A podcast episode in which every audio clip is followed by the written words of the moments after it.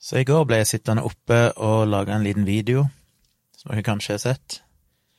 Litt for de spesielt interesserte, men siden jeg snakka så mye om de her bildene og printinga mi og fotoskriveren, så lagde jeg en kort, liten video på sånn ti cirka minutter, der jeg bare viser noen av de bildene jeg har printa ut så langt, så dere kan se de hvis dere vil. Og jeg har jo lyst til å lage flere sånne videoer, som jeg sa. Jeg har en plan om å lage en video om eh, det programmet jeg bruker nå for å spille inn podkasten, som heter Hindenburg Journalist Pro. For det syns jeg kan være et godt tips til folk som ønsker et bra program, enkelt, til å spille inn podkast.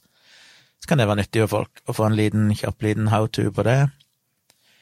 Og jeg har egentlig lyst til å lage flere, det har jeg tenkt på i et par år, at jeg har lyst til å Eller iallfall i et år at jeg har hatt lyst til å lage noen videoer der jeg går gjennom en del litt sånn datatekniske ting, for det, det er jo mitt fagfelt. Og jeg har brukt mye tid på å finne programmer og tjenester som er bra. Jeg har snakka litt her tidligere om sikre cloud-løsninger og sånne ting, og e-posttjenester og, og, litt sånn. Så mulig jeg, jeg har lyst til å lage en slags video, iallfall der jeg kanskje tar for meg basicsene i hvordan den jevne internettbruker bør sikre seg sjøl. Alt fra tofaktorautentisering til en uh, passordmanager til litt sånne nyttige ting å tenke på. For det mangler kanskje. Så det har jeg lyst til å gjøre. Så jeg får se. Jeg tar litt som det kommer. Jeg har funnet ut at jeg sa jo for noen episoder tilbake at jeg egentlig hadde mista litt gløden for YouTube. Og det er kanskje på en måte. Det er fortsatt noen videoer jeg snakket om tidligere som jeg har lyst til å lage. Men jeg merker at jeg har lyst til å lage videoer, men kanskje tenke litt annerledes. Fordi de videoene jeg har lagd så langt, har jo vært laga Jeg har lagt en del arbeid i, med redigering og sånne ting. Og målet er på en måte at de skal nå ut, og mange skal se de, og, og sånn. Eh, at på en måte den enkeltstående videoen skal stå ut på en måte, eller skal vekke interesse. Men jo mer jeg ser på mange av de youtuberne jeg følger, jo mer slår det meg at de enkelte videoene deres er jo sjelden spesielt interessante. Det er jo mer bare det at de lager mange videoer om noe de interesserer seg for. Og jeg lurer på om jeg skal tenke litt sånn, heller bare legge ut videoer der jeg sitter og snakker om ting som interesserer meg, uten å legge for mye arbeid i det, og ikke være så nøye om jeg får 200 views, og bare være fornøyd med det. Fordi til syvende og sist så er det jo summen av alle disse videoene, når folk begynner å oppdage at oi, da, han snakker om noe interessant, og så begynner å følge med fordi at du snakker om et eller annet interessant tema, selv om den enkelte videoen kanskje ikke er banebrytende. Så tror jeg jo det er det som eh, til syvende og sist lønner seg. Det er det som gir eh, en effekt på sikt, pluss at det er en sunnere måte å tenke på. Det blir ikke en sånn jakt etter views og likes, det blir mer bare la meg gjøre dette fordi jeg synes det er interessant, og jeg tror det er nyttig. Og så får det gå som det går. Og det er sånn, de siste par videoene jeg har lagd, den ene om eh, å redigere bilder, den andre nå om printeren. Jeg delte de på Facebook og Twitter og sånn, men det er nesten så jeg tenkte det er noe vits i, egentlig. Fordi det er jo ikke mange av de som følger meg på Facebook og Twitter sånn. For det første så er jo algoritmene til Facebook sånn at de basically knebler linker til YouTube. Så deler en post med en link til YouTube, så får en jo ingen spredning. De er jo helt åpenbart en eller annen algoritme som sørger for at det er de ikke interessert i. Facebook vil at du skal laste opp videoer på Facebook. Så det er litt sånn demotiverende når du vet at du poster noe, så, så får du jo basically ingen likes, eh, fordi Facebook aktivt undertrykker det. Og på Twitter er det jo nesten umulig, det er jo så mye tweets, ikke sant. Poste en tweet, hvis ikke er, den får umiddelbar masse respons, så er han jo død, og forsvinner han jo bare i historikken. Så jeg tror jeg skal tenke litt mer at jeg heller bare lager videoer, så det er folk som er på YouTube ifra før, som kanskje oppdager de. Fordi når de ser en video som handler om foto, for eksempel, så vil av og til YouTube anbefale kanskje min video, fordi den har samme tekst, eh, tagger med de samme tagsene, photography eller fotografi og Lightroom og sånne ting, bare sånn randomly av og til, og kanskje de ser den, og kanskje de liker det, og så må en bare jobbe med at over tid så vil kanskje flere og flere ha lyst til å abonnere. Så ja, jeg tror det er en litt bedre strategi. Så jeg får se hvordan, hvordan det går. Det er, fall, det er jo ting jeg kan snakke om uten å Det er det som er vanskelig med de her 5G-videoene og sånne ting. Det krever jo så forbaska mye forarbeid. Det krever så mye research, og jeg må være sikker på at det jeg sier, er korrekt og sånn.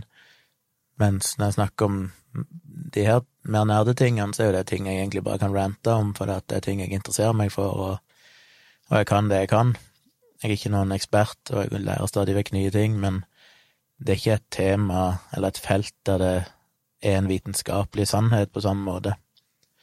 Det er litt mer subjektivt og, og sånn. Så det har jeg lyst til å gjøre.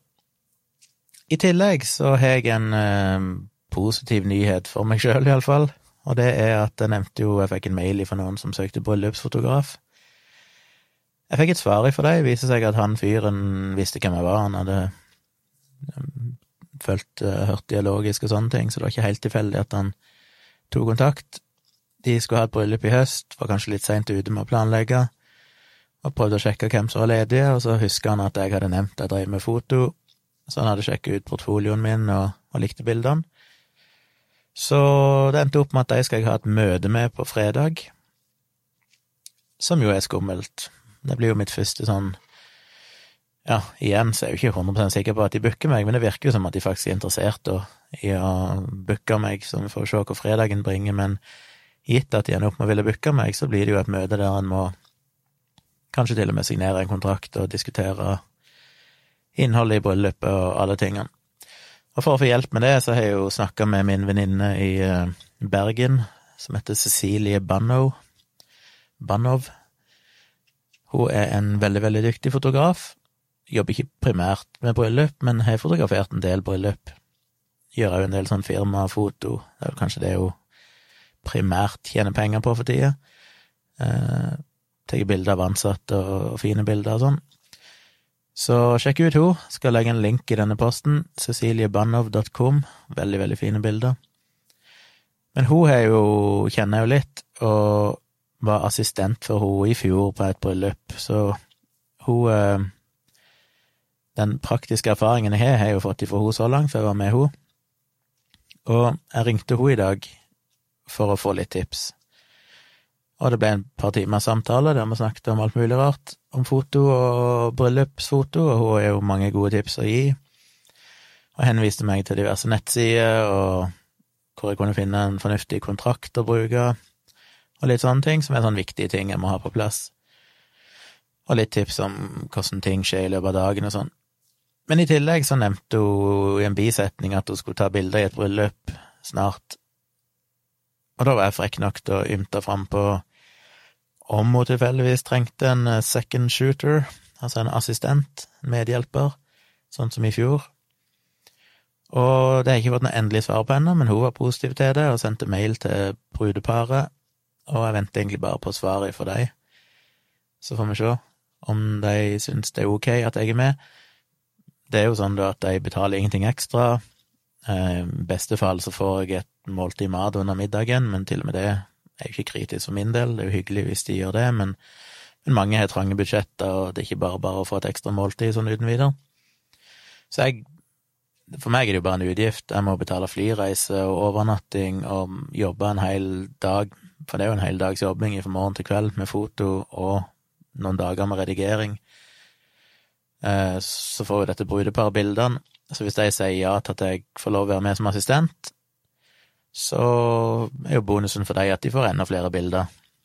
Ikke dobbelt så mange, kanskje, men ganske mange ekstra bilder som jeg har tatt, og som de òg kan få.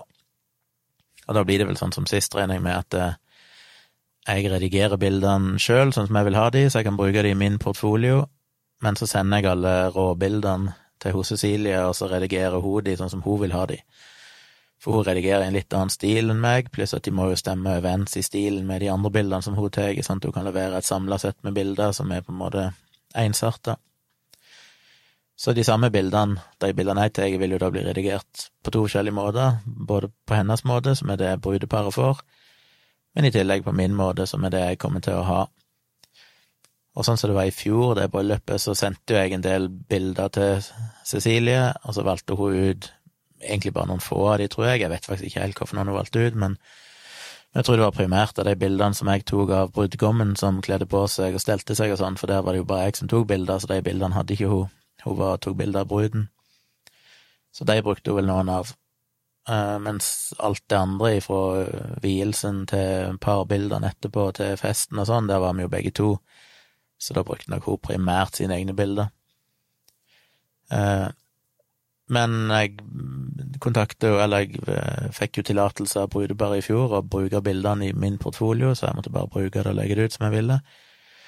Og så eh, gikk det vel først eh, nå i tidligere i vinter i gang, eller sånn, altså halvt år etter bryllupet, eller sånn, så fikk jeg plutselig en melding ifra bruden at hun hadde plutselig sett et av bildene mine på Instagram-kontoen min, og lurte på om jeg hadde flere. Og så sendte jeg jo hele sulamitten og alle mine bilder sånn som jeg hadde redigert de så hun fikk de i tillegg. Så da fikk jo hun både bildene fra Cecilie og bildene mine, som inkluderte alle jeg hadde tatt, ikke bare de Cecilie ville ha. Men så jeg fikk jo, dette brudeparet fikk jo da veldig mange bilder, og mine bilder får de jo gratis, for jeg er jo bare assistent.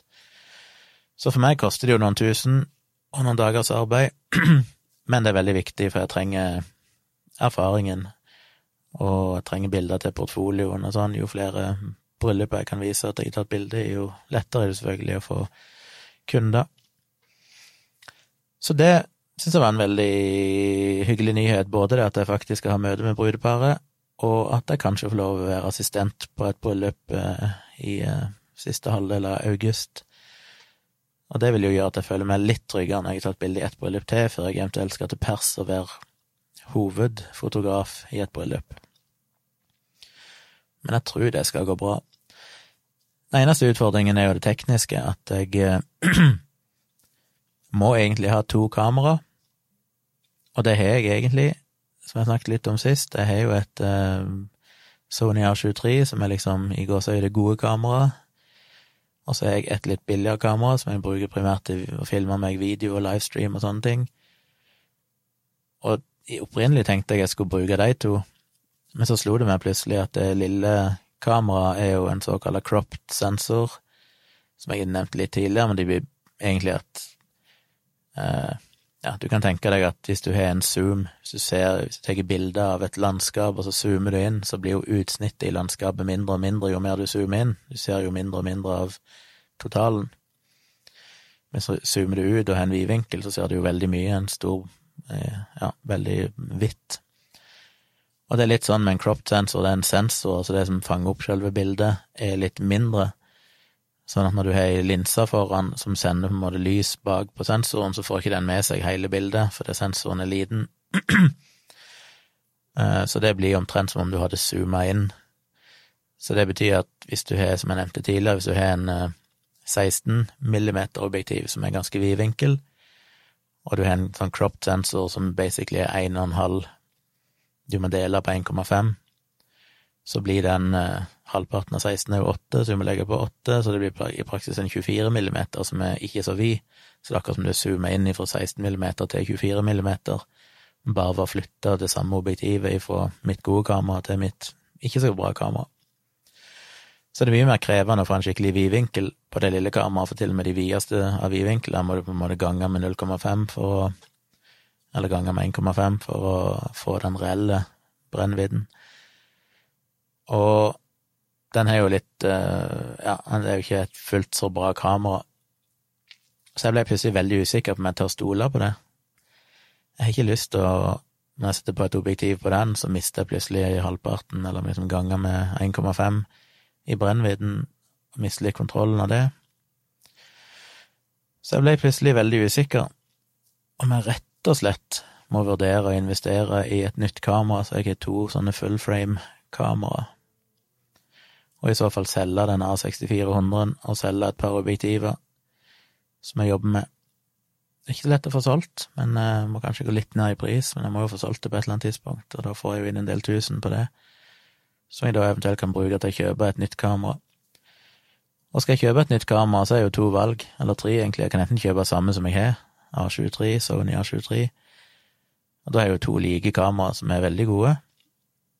Men den A23-en er jo noen år gammel, Så jeg har jo egentlig lyst til å først investere i et nytt kamera, så jeg har litt lyst til å selvfølgelig oppgradere. Da er det egentlig to alternativer. Det er en som heter A92, og så er det en som heter A7R4. Og uten å gå for veldig tekniske detaljer, så den A92 er veldig sånn kjapp og lyssensitiv, så den er veldig populær hos sportsfotografer som trenger å ta bilder av sport, der ting skjer veldig fort. Og eh, for eksempel folk som tar bilder av fugler i fugler som flyger, der du må ha en ekstremt kjapp fokus og sånne ting. Mens en A7R4, en av de store fordelene med den, er at den er en ekstrem oppløsning, det er jo 61 megapiksler. Det kameraet jeg har nå, er jo 24 megapiksler, cirka. Så det er jo nesten tre ganger flere piksler, som betyr at du kan jo ta for eksempel landskapsbilder og portretter sånn med en enorm oppløsning, og du kan òg croppe inn, beskjære bildet veldig, veldig mye, uten at du egentlig mister så mye oppløsning, for du har jo så mye å ta av. Så det er jo et kamera som frister, og begge de frister veldig.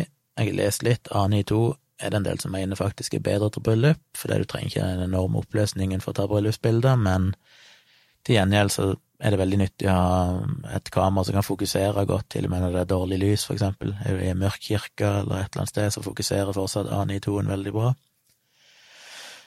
Uh, men den A92-en er jo smelldyr. Det er jo begge kameraene, for så vidt, men den A92-en er jo helt latterlig dyr. Så jeg tror jeg må innse at den er vel ikke så aktuell, hvis ikke jeg selger ei nyre eller et eller annet sånt. Kanskje hjertet, til og med, men da er det kanskje ikke verdt det. Så jeg vurderer om jeg skal investere, jeg må se litt på økonomien min. Så det første bryllupet her, det går jo dundrende minus, bare fordi at jeg trenger sannsynligvis et ekstra kamera, og jeg må ha et par batterier ekstra, jeg må ha et par minnekort, jeg må ha en sånn dobbel eh, sele som jeg kan ha to kameraer som henger rundt skuldrene mine samtidig. Så det er en del investeringer. Men når det er gjort, så har jeg jo i det minste det jeg trenger hvis jeg får flere bryllup, og til andre formål jeg kan tjene penger på, så jeg håper jo det tjener seg inn igjen i så fall. Og jeg syns jo det er veldig gøy, men det er litt sånn, det er dyrt, så jeg må virkelig se litt på økonomien og se om jeg kan forsvare det. Så må jeg jo òg vite på fredag hvor mye jeg kan regne med å få betalt. Jeg har jo en pris som ligger på nettsida mi, og hvis de har sett den og syns det virker greit, så er jo det topp men jeg vet jo ikke ennå hva de har tenkt seg sånn prismessig. Jeg vet jo ikke engang om de egentlig vil ha en sånn full pakke med heldagsfotografering, eller om de bare skal ha noe mindre enn det, eller Jeg håper de skal ha full pakke, hvis jeg først skal kjøre eller reise til Geilo, som jo er et stykke å reise, så vil jeg jo helst satse på å være der hele dagen, um, og få mest mulig ut av det. Så vi får se hva det blir til. Men veldig spennende. Gleder meg til det. Den andre tingen jeg kan bare si med meg og Tone, var en tur ned i byen i dag. Eh, litt sånn spontant på ettermiddagen fant vi ut skal vi ikke bare stikke ut en tur. Og så stakk vi ned til byen med Kyla, tok toget ned til Oslo S, gikk bort på Operaen, forbi Operaen, over den brua over til Sørenga, som det heter, for de som eventuelt er kjent i Oslo. Du går liksom en sånn gangbru over vannet, og så kommer du til et relativt sånn nytt uh, område som er litt sånn kunstig bygd ut i sjøen. Jeg tror ikke det var landjord der før, men jeg tror de bare slengte ut masse fyllmasse. Innbiller meg, jeg vet ikke helt. Jeg har fått bygd masse leilighetsblokker, og det er jo mye restauranter og sånn der. Veldig, veldig fint område. Alt er jo splitta nytt og nydelig. Så vi gikk ut der en tur, rusla litt rundt, gikk tilbake igjen, og så gikk vi inn mellom disse Barcode-bygningene, rett mot Oslo S og ut mot Oslofjorden. Og der er det altså så fint. Det er Når meg og Tone først tenkte vi skulle flytte ifra Tøyen, så vurderte vi jo først å leie, for da var vi ikke Vi hadde jo så vidt blitt sammen, og det føltes litt forpliktende å kjøpe noe når vi bare var sammen så kort tid. Og da var vi og så på en leilighet der nede, liksom helt nærme vannet, omtrent i de nye bygningene som stender bak operaen. Og det var jo veldig nydelig. Men den ene leiligheten vi så på da, den for det første var den jo steindyr, kosta jo tror jeg 18 000 i måneden å leie for en leilighet som ikke var noe særlig, det tror jeg ikke var mer enn 50-60 kvadrat.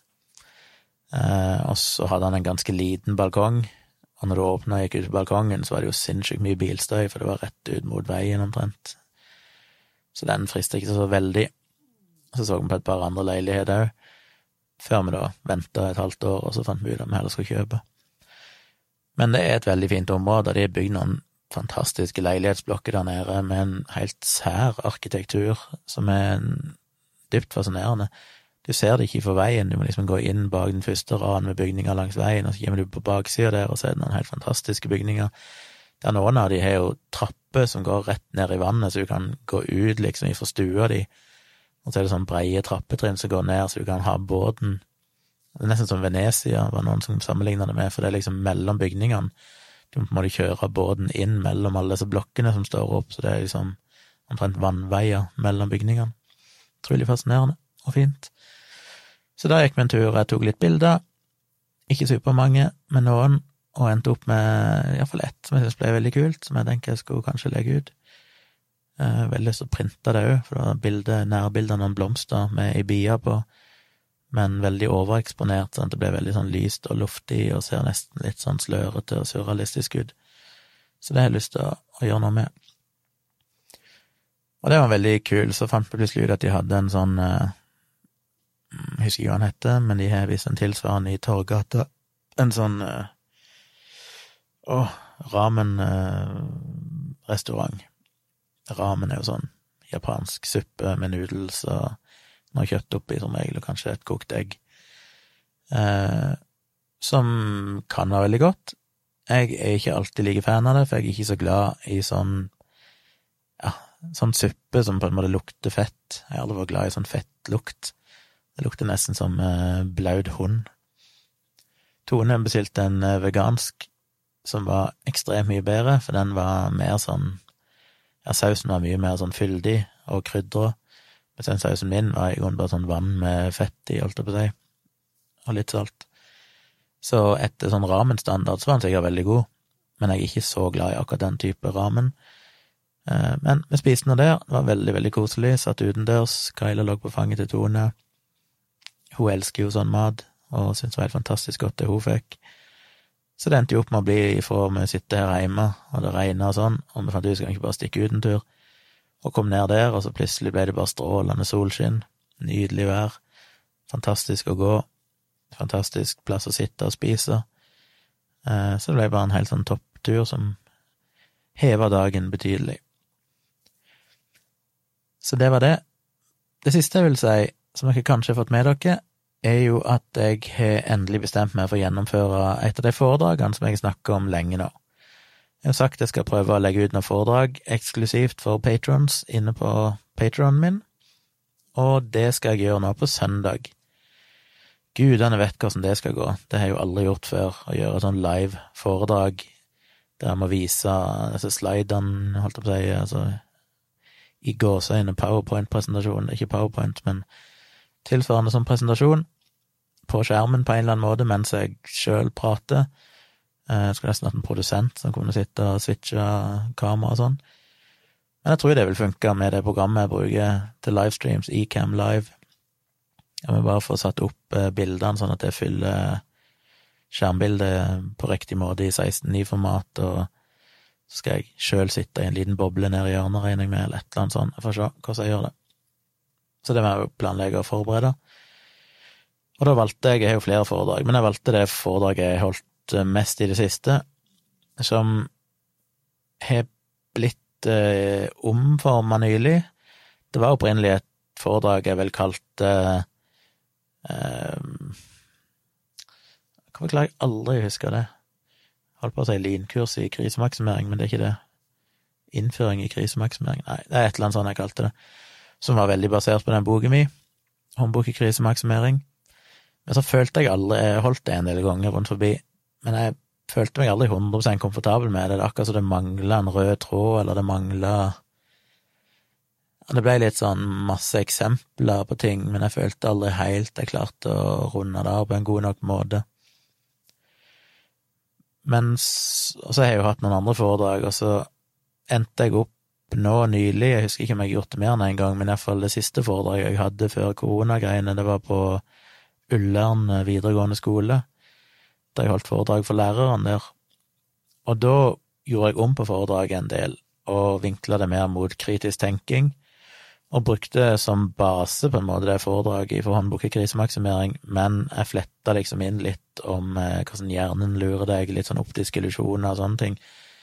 Og et eksempel, noe greier fra et annet foredrag jeg holdt for mange år siden, som handla jo om, om, kritisk tenking, og på en måte lagde en liten sånn miks av flere ting, og fikk lagd en struktur på det, der det handler mer om media lurer deg, sosiale medier lurer deg, forskere lurer deg, hjernen lurer deg, og har liksom noen sånne stolper, og prøver å innlede og oppsummere sånn at det har en mye bedre struktur enn hadde tidligere. Så jeg husker iallfall når jeg holdt det foredraget på Ullern, så følte jeg liksom etterpå at nå følte jeg det satt litt bedre, nå var det liksom litt mer det jeg ønska, litt mer sånn pedagogisk, så jeg kan bruke det i skolesammenheng, for eksempel.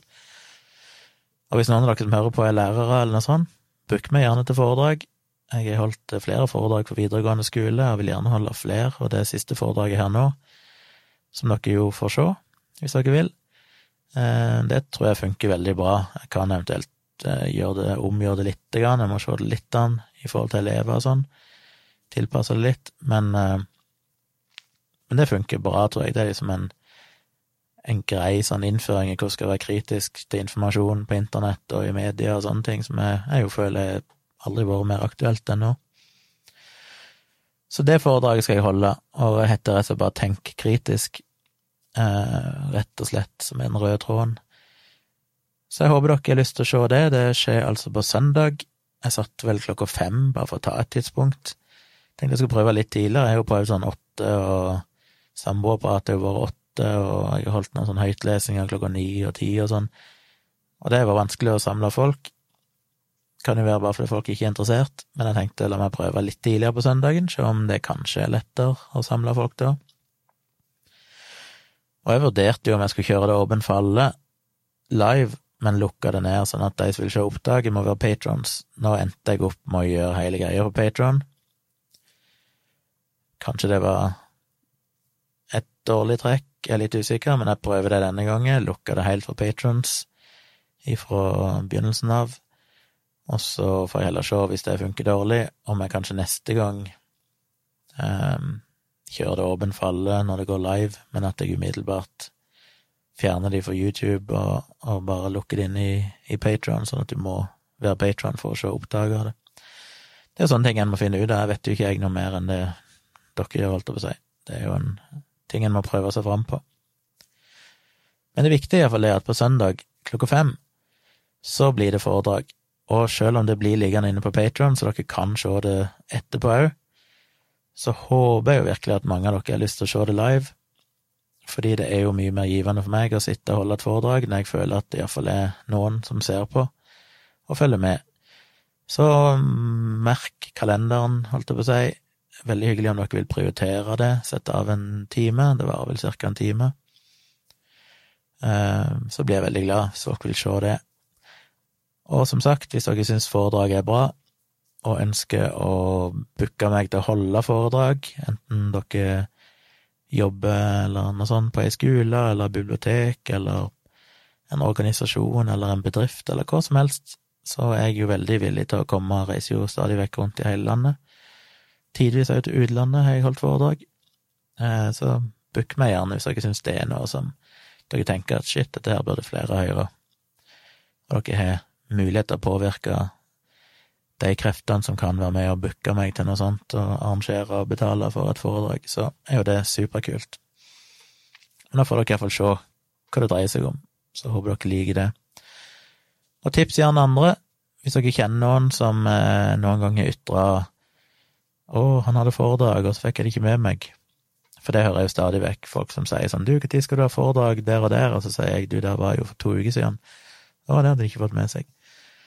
Eh, det er jo selvfølgelig, selv om jeg har holdt snart snart, hvor mange er det, 130 eller noe sånt foredrag rundt om i landet, så er det jo mange plasser jeg selvfølgelig ikke har vært. De fleste plassene har jo ikke vært. Og der jeg har vært, så er det ikke alltid folk har hatt tid og mulighet til å være med. Så hvis jeg kjenner noen som tenker at de skulle gjerne sett et foredrag, så kan det jo alltid bli Patron, Patron for å se foredraget. Det blir jo ikke helt det samme som å ha et live-foredrag der dere kan være til stede sjøl, men eh, det er nå et godt alternativ. Så søndag, førstkommende søndag klokka fem, blir det. Da jeg løy med den, jeg føler jeg har sagt det jeg skal, så jeg har en tendens til alltid å være på en halvtime. Jeg tror jeg har en halvtimes rant i meg hver dag, tydeligvis. Det er jo godt å få ut. Jeg vet ikke hva som blir med dialogisk. Jeg spurte Dag, ikke fått noe svar, om jeg skal spille inn dialogisk igjen på mandag den 3. august. Men jeg kan være med tilbake igjen med dialogisk neste uke, hvis ikke blir det vel uka etterpå. For de av dere som følger med på det. Ja. Da tror jeg jeg var ferdig med Ja, en siste ting. Litt usikker om det blir samboerprat på søndag. Det er mulig vi ditcher det siden, vi, siden jeg skal holde foredrag tidligere av kvelden. Så får det kanskje bli ukas livestream. Um, så jeg tror det blir foredrag på søndag og ikke noe samboerprat. Det tror jeg er sliten nok etter å ha sittet og jatta live, konsentrert og nervøs i en time der, med alle forberedelser. Bare så det er sagt. Så da eh, høres vi igjen i morgen den dag.